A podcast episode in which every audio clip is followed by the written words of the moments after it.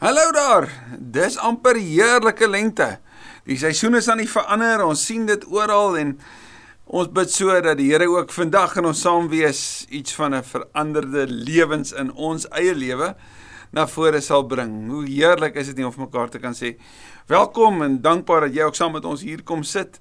As dit waar is ons om 'n om 'n koffietafel, ons kuier saam en ons breek die woord oop en die woord breek ook in ons nuwe lewe oop sodat daar al hoe meer van Jesus in ons sal wees. Nie waar nie? As jy dalk vir die eerste keer inloer, ek wil jou regtig aanmoedig om na die sosiale platforms van Kersonamiere te gaan kyk. As jy meer wil weet van ons gemeente, as jy meer wil weet van hierdie studiestuk of van hierdie boek of van ander wat ons voorheen gedoen het, gaan kyk ook daar daarheen. En as jy van die notas wil hê, natuurlik stuur ek dit baie baie graag vir jou. Daai lys van mense vir wie ons dit elke week stuur, het regtig nou al 'n groot getal mense geword en baie baie dankie dat jy saam met ons lees, saam met ons leer en dit ook deel op ander plekke. So vir elke selgroep wat hierdie gebruik en en wat saam inloer, ons wil vir julle sê goeiedag en baie baie welkom. Ons is op reis met Paulus se brief aan die gemeente in Efese. Jy weet dit is daar in die omgewing van 263 uit Rome geskryf.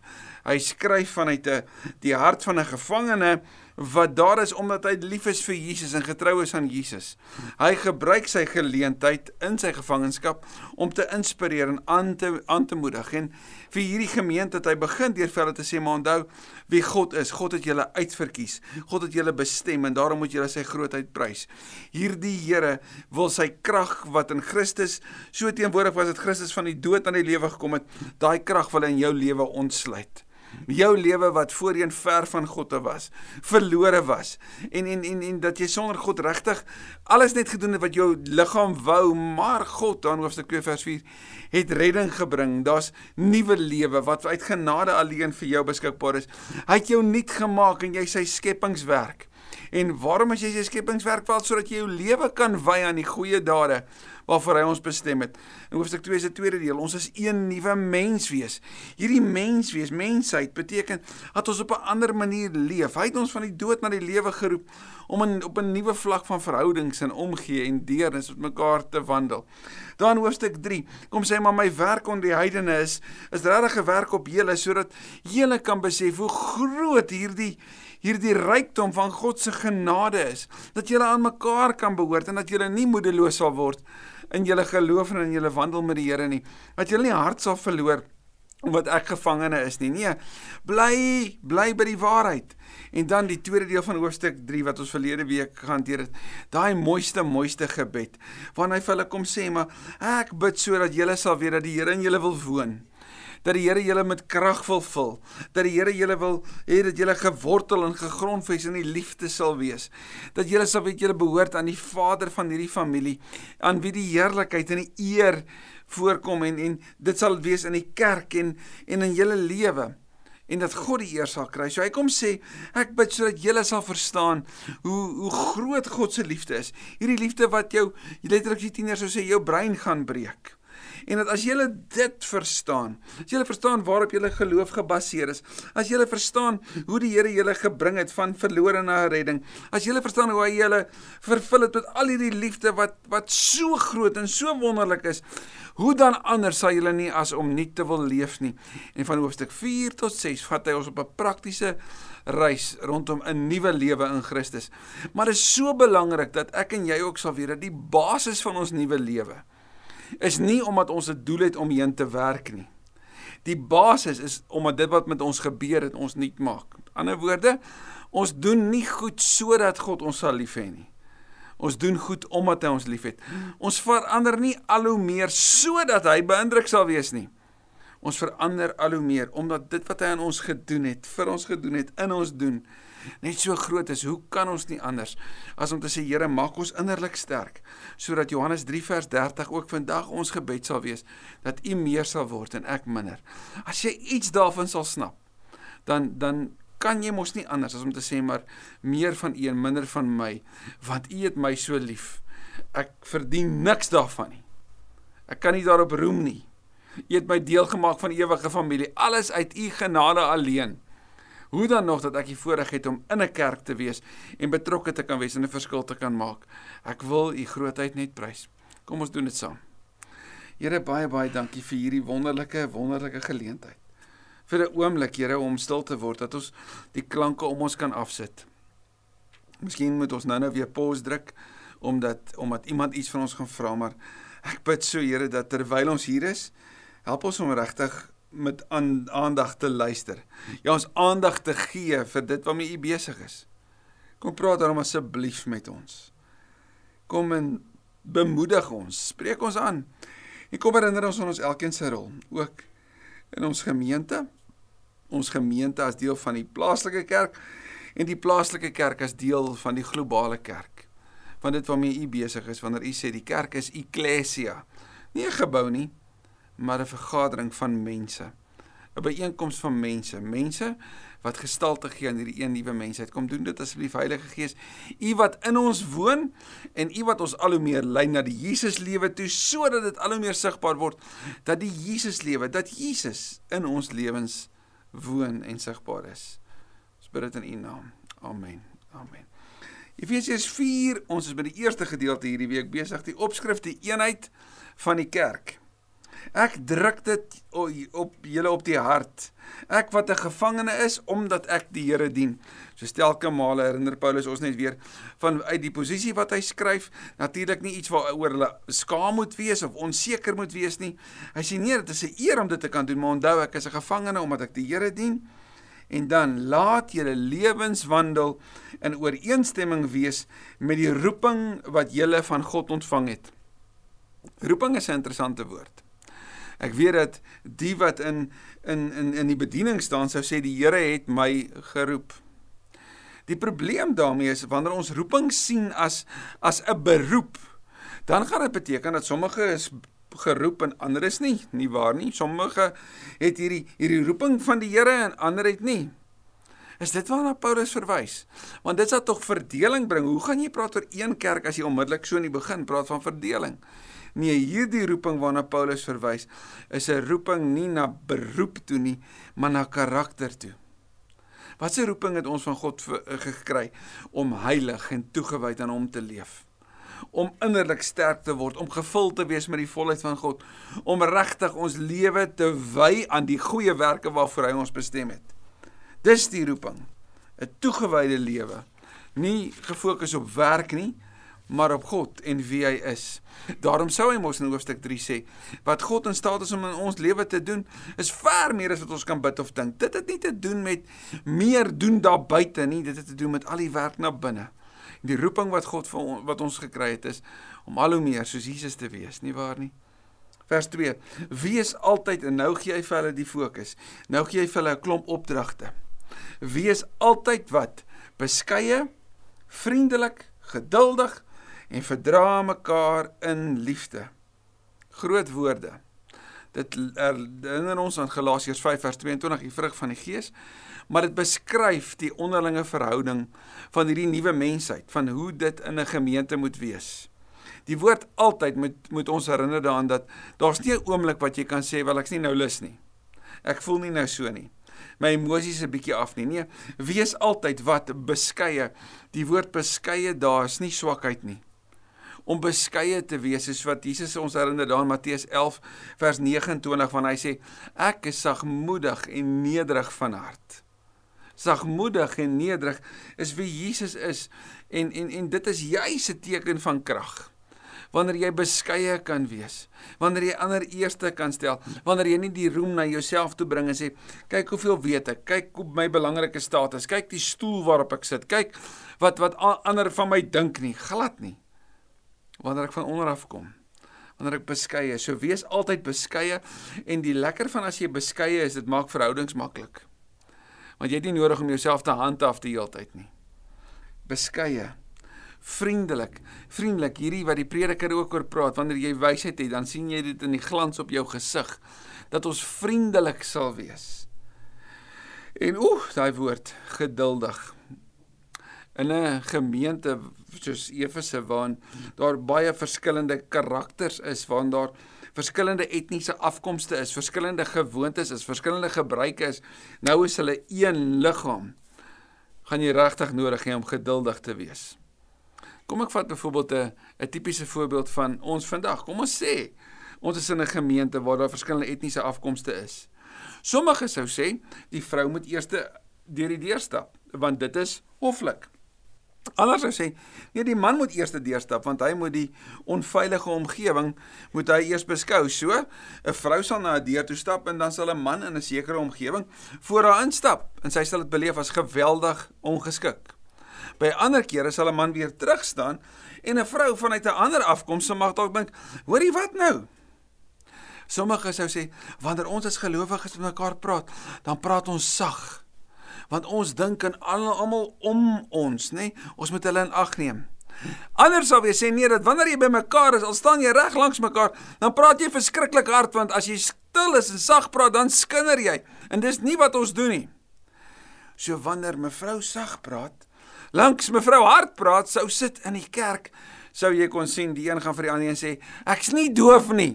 En die ander een sou sê, het ek gesê jy is? Jy kan sien hoe daar moeilikheid kan kom, nê?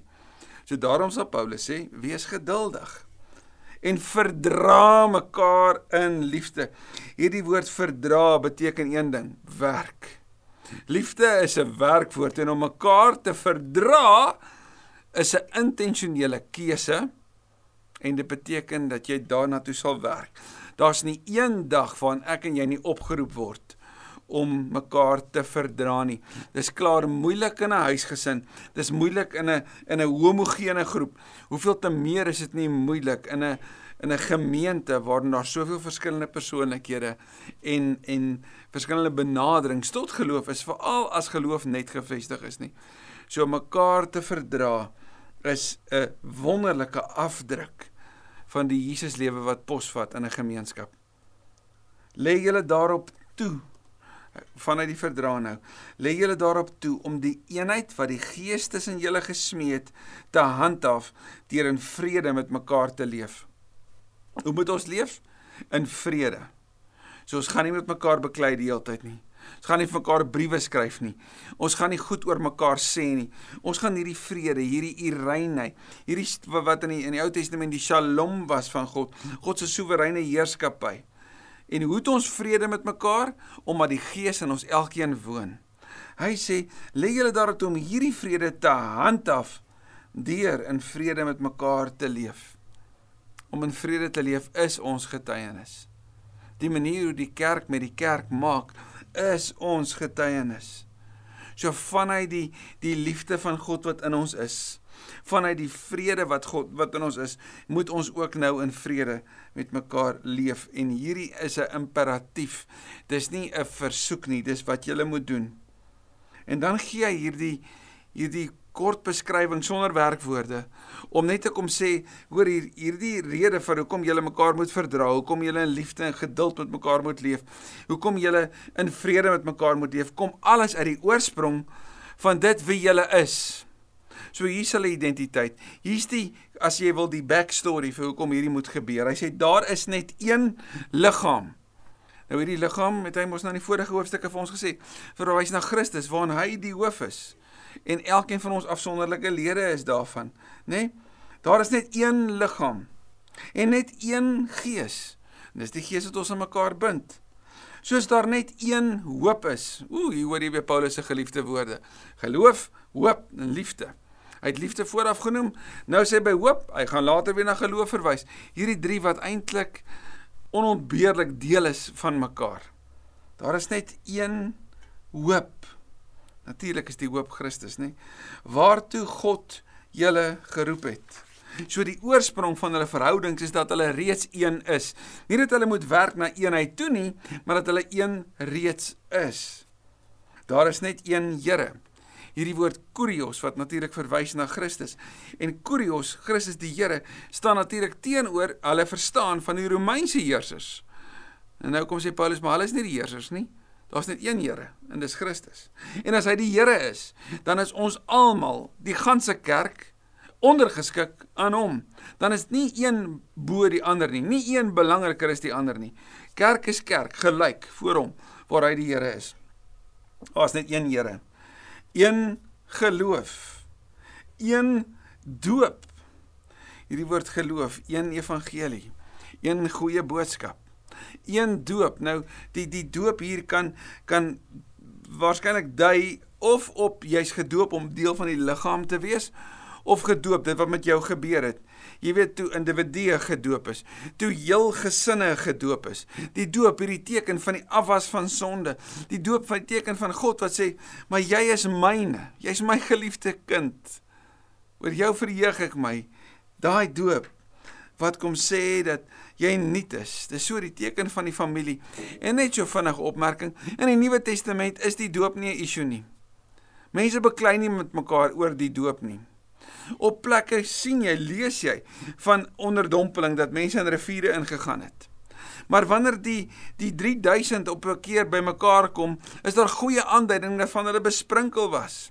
As jy net die dag hy gaan lees van 100 jaar na Christus, wat hierdie hier deel is van hierdie een versameling van boeke wat deur die aardsvaders geskryf word, dan sal jy sien daar word gesê, as jy gedoop word, doen dit so. As jy nie dit het nie, doen dit dan so. As jy nie dit het nie, doen jy dit dan so. Want sien dit gaan nie oor hoe nie, dit gaan oor wie. Want in die doop is dit nie die die doopeling wat handel nie, maar God. God wat sê maar jy's skoon gewas, jy's jy jy's nuut.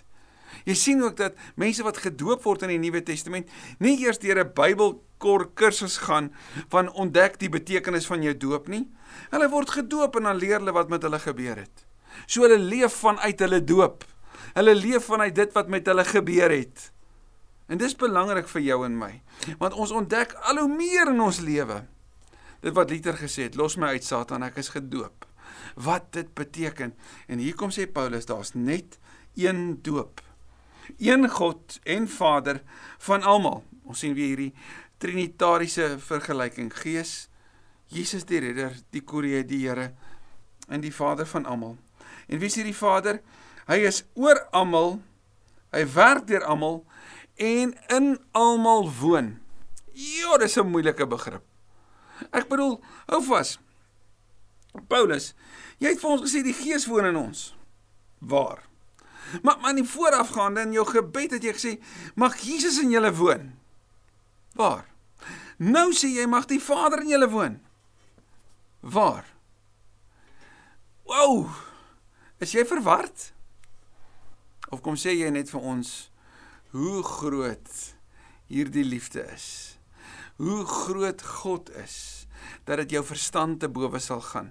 Dat God in sy verhouding as Vader, Seun en Heilige Gees so een is dat wanneer hy jou innooi in 'n verhouding met hom, dan is jy in verhouding met al drie. Wat sê Johannes 17 vers 3 oor die ewige lewe?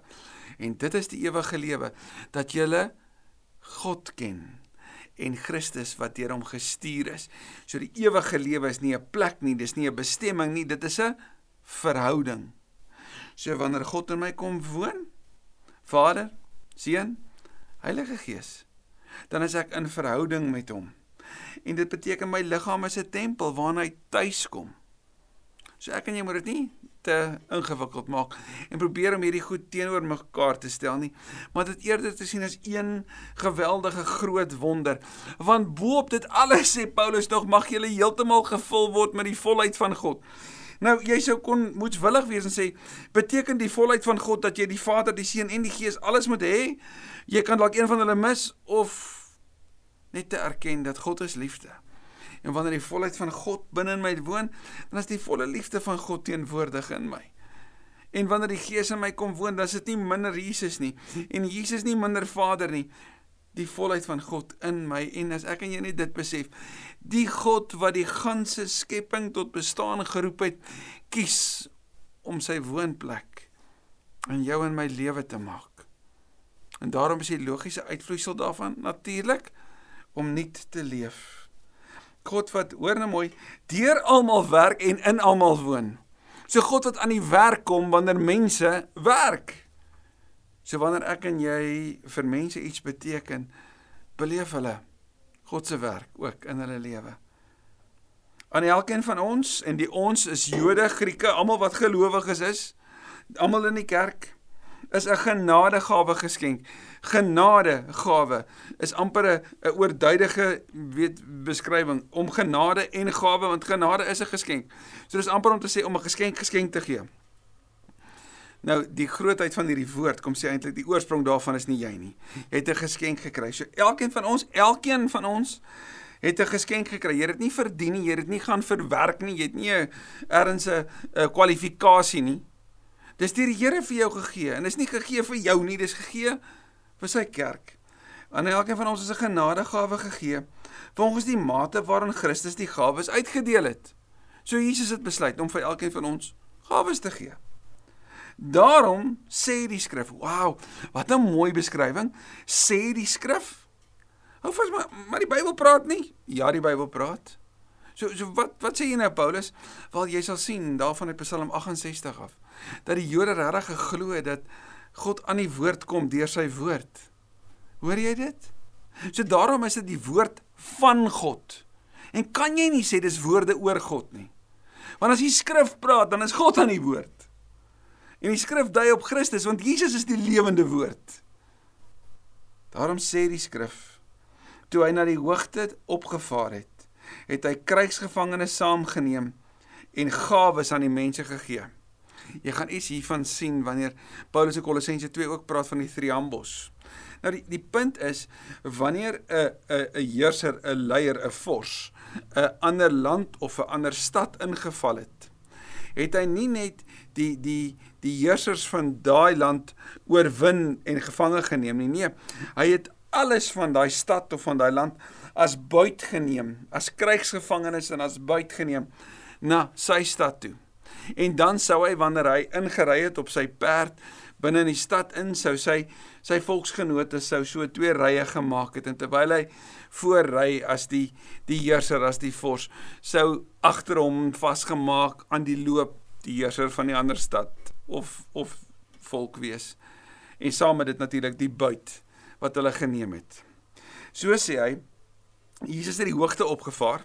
Dit dui natuurlik op sy hemelvaart hy het krygsgevangenes saamgeneem met ander woorde hulle wat oorwin is en dit is die dood En wat het hy nog gedoen? Soos wat die die die vors van daardie tyd die die krygsgevangenes sou saamneem, het hy die buit uitgedeel as geskenke. So Jesus se hemelvaart wat kom uit sy opstanding wat oorwinning oor die dood aangekondig het, lei ook tot die uitdeel van geskenke waarvan die Heilige Gees natuurlik die eerste is. Hy het dit vir mense gegee.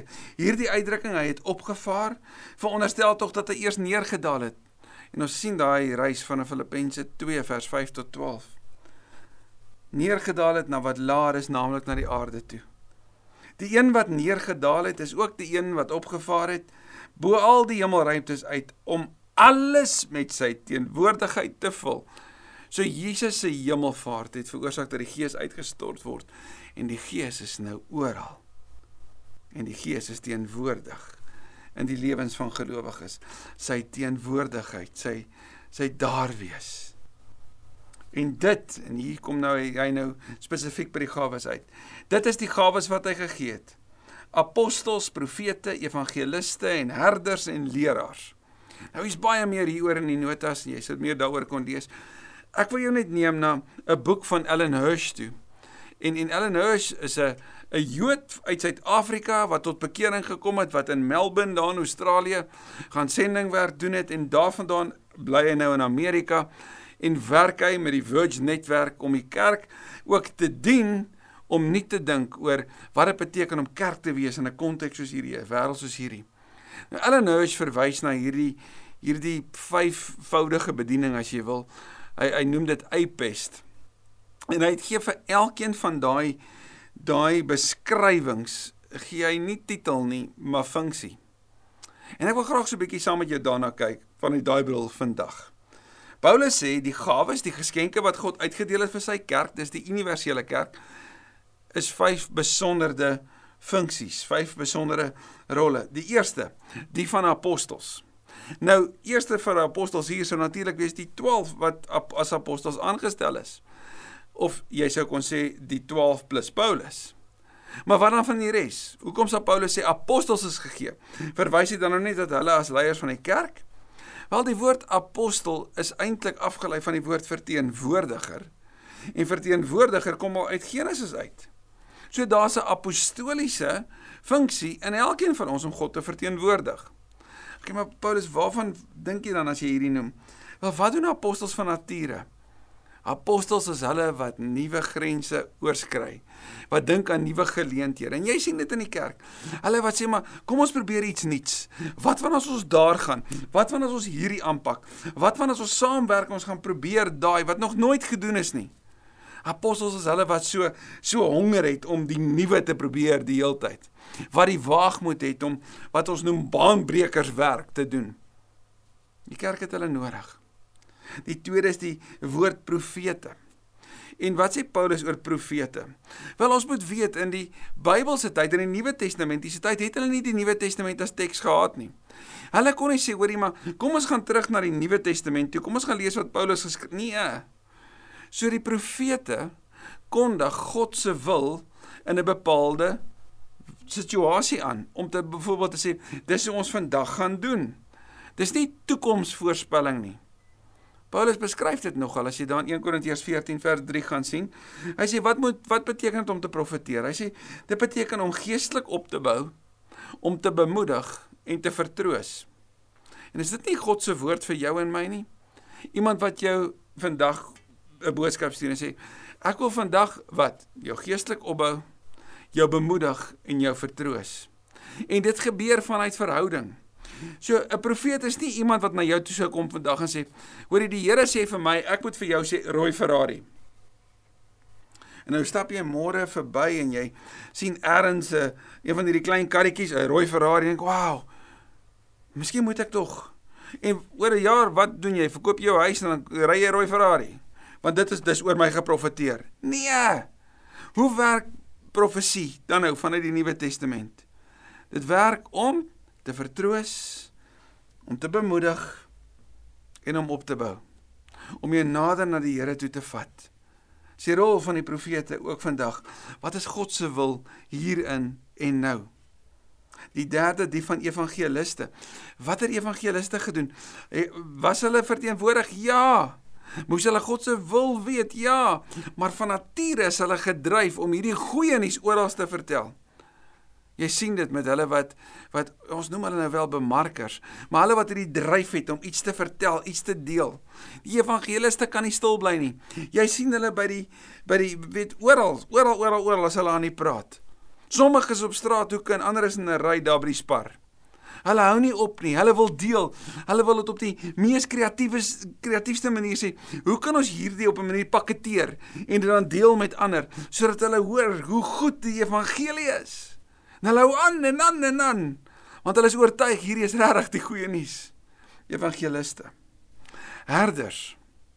Nou die herders as ons dink vanuit die Ou Testament, dan dink jy natuurlik van 'n leier van 'n gemeente, die omgee die Here is my herder. Die Nuwe Testament sal dit natuurlik wees hulle wat die versorging doen. Die herders is hulle wat altyd sê maar hoor jy ons moenie net altyd na daai kyk of na daai kyk nie, ons moet ook na hier kyk. Ons moet ook vra, hoorie, hoe gaan dit nou met daai een? Kan ons daai gaan besoek? Bid ons hiervoor. Herders het van nature 'n uh, wat sê die Engelse compassion, 'n diep omgee, 'n 'n empatie vir mense. Wat nie wil hê dat iemand moet moet weet uitgesluit voel nie. Dat iemand nie moet deel voel nie. Wat regtig sê maar, hoe kan ons al hoe meer hierdie omgewing 'n gesonde plek maak waar mense welkom voel en opgebou voel en en versterk voel. So herders skep die konteks. En dan leraars.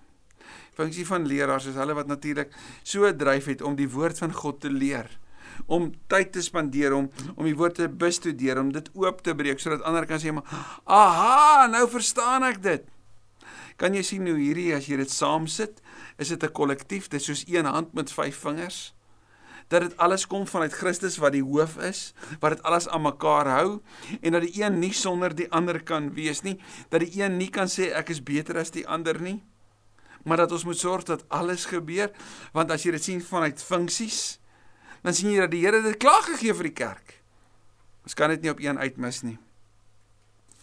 En dan wat is die doel daarmee? Vers 12 sê Paulus, sy doel daarmee, sy doel met hierdie geskenke was om die gelowiges toe te rus vir hulle diens en vir die opbou van die liggaam van Christus.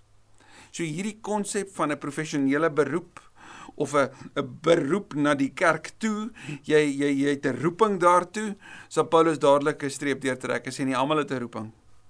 En die hierdie vyf funksies moet in die kerk funksioneer sodat almal toegerus kan word wat vir hulle dienswerk. En hulle diens is nie net in die wêreld nie, hulle is hulle diens in die kerk en hulle diens as kerk. Dis tasbaar in die wêreld betrokke wees. So hierdie gawes is gegee vir toerusting om ander daarmee met ander woorde te bemagtig. En dit sou met ander woorde kom beteken dat jy jouself uit jou eie job uitwerk. Dan doen jy jou jy weet jou jou job reg. Want dan is jy besig om te sê maar ek wil jou so toerus sodat jy kan doen wat ek doen sodat jy dit beter kan doen selfs en dit kan aanhou doen. Want dis nie net dienswerk nie, dis ook opbou van die liggaam van Christus. Diens na buite, opbou na binne. En wat is die gevolg? Dit so as ons dit doen, sal ons uiteindelik almal kom tot die werklike eenheid en hy klaar gesê ons is een. Maar as ons hierdie doen, dan sal ons kom tot die werklike eenheid in ons geloof en in ons kennis van die seun van God eenheid wat ons saambind, maar eenheid ook in ons kennis van die Here. Dat ons sal weet wie hy is en hoe hy ons aan mekaar gebind het.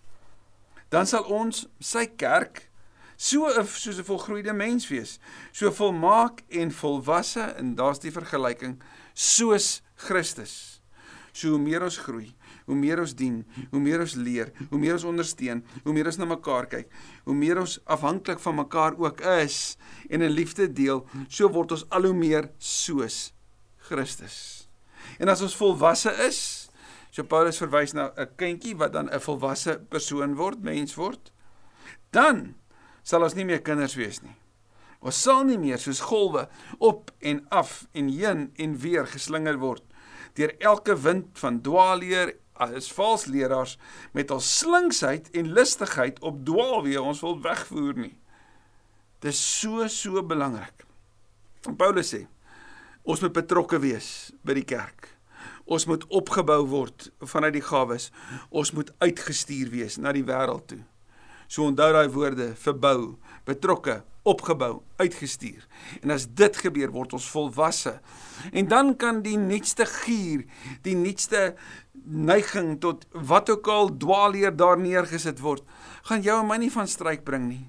Ons gaan nie skielik angstig raak of onseker raak of in debatte en gesprekke betrokke raak wat in elk geval niks met die Bybel te doen het nie. Ons gaan sê ons ou by hoekom ons hier is en wat ons moet doen. Nee, sê Paulus, wat sal ons doen?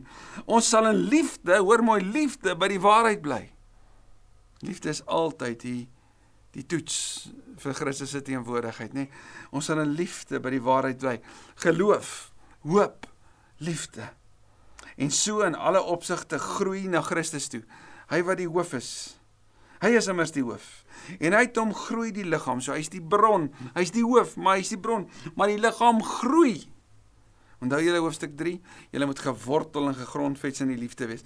So julle groei uit hom, hy wat liefde is. Die verskillende liggaamsdele, dis ek en jy, pas by mekaar en vorm saam 'n een eenheid.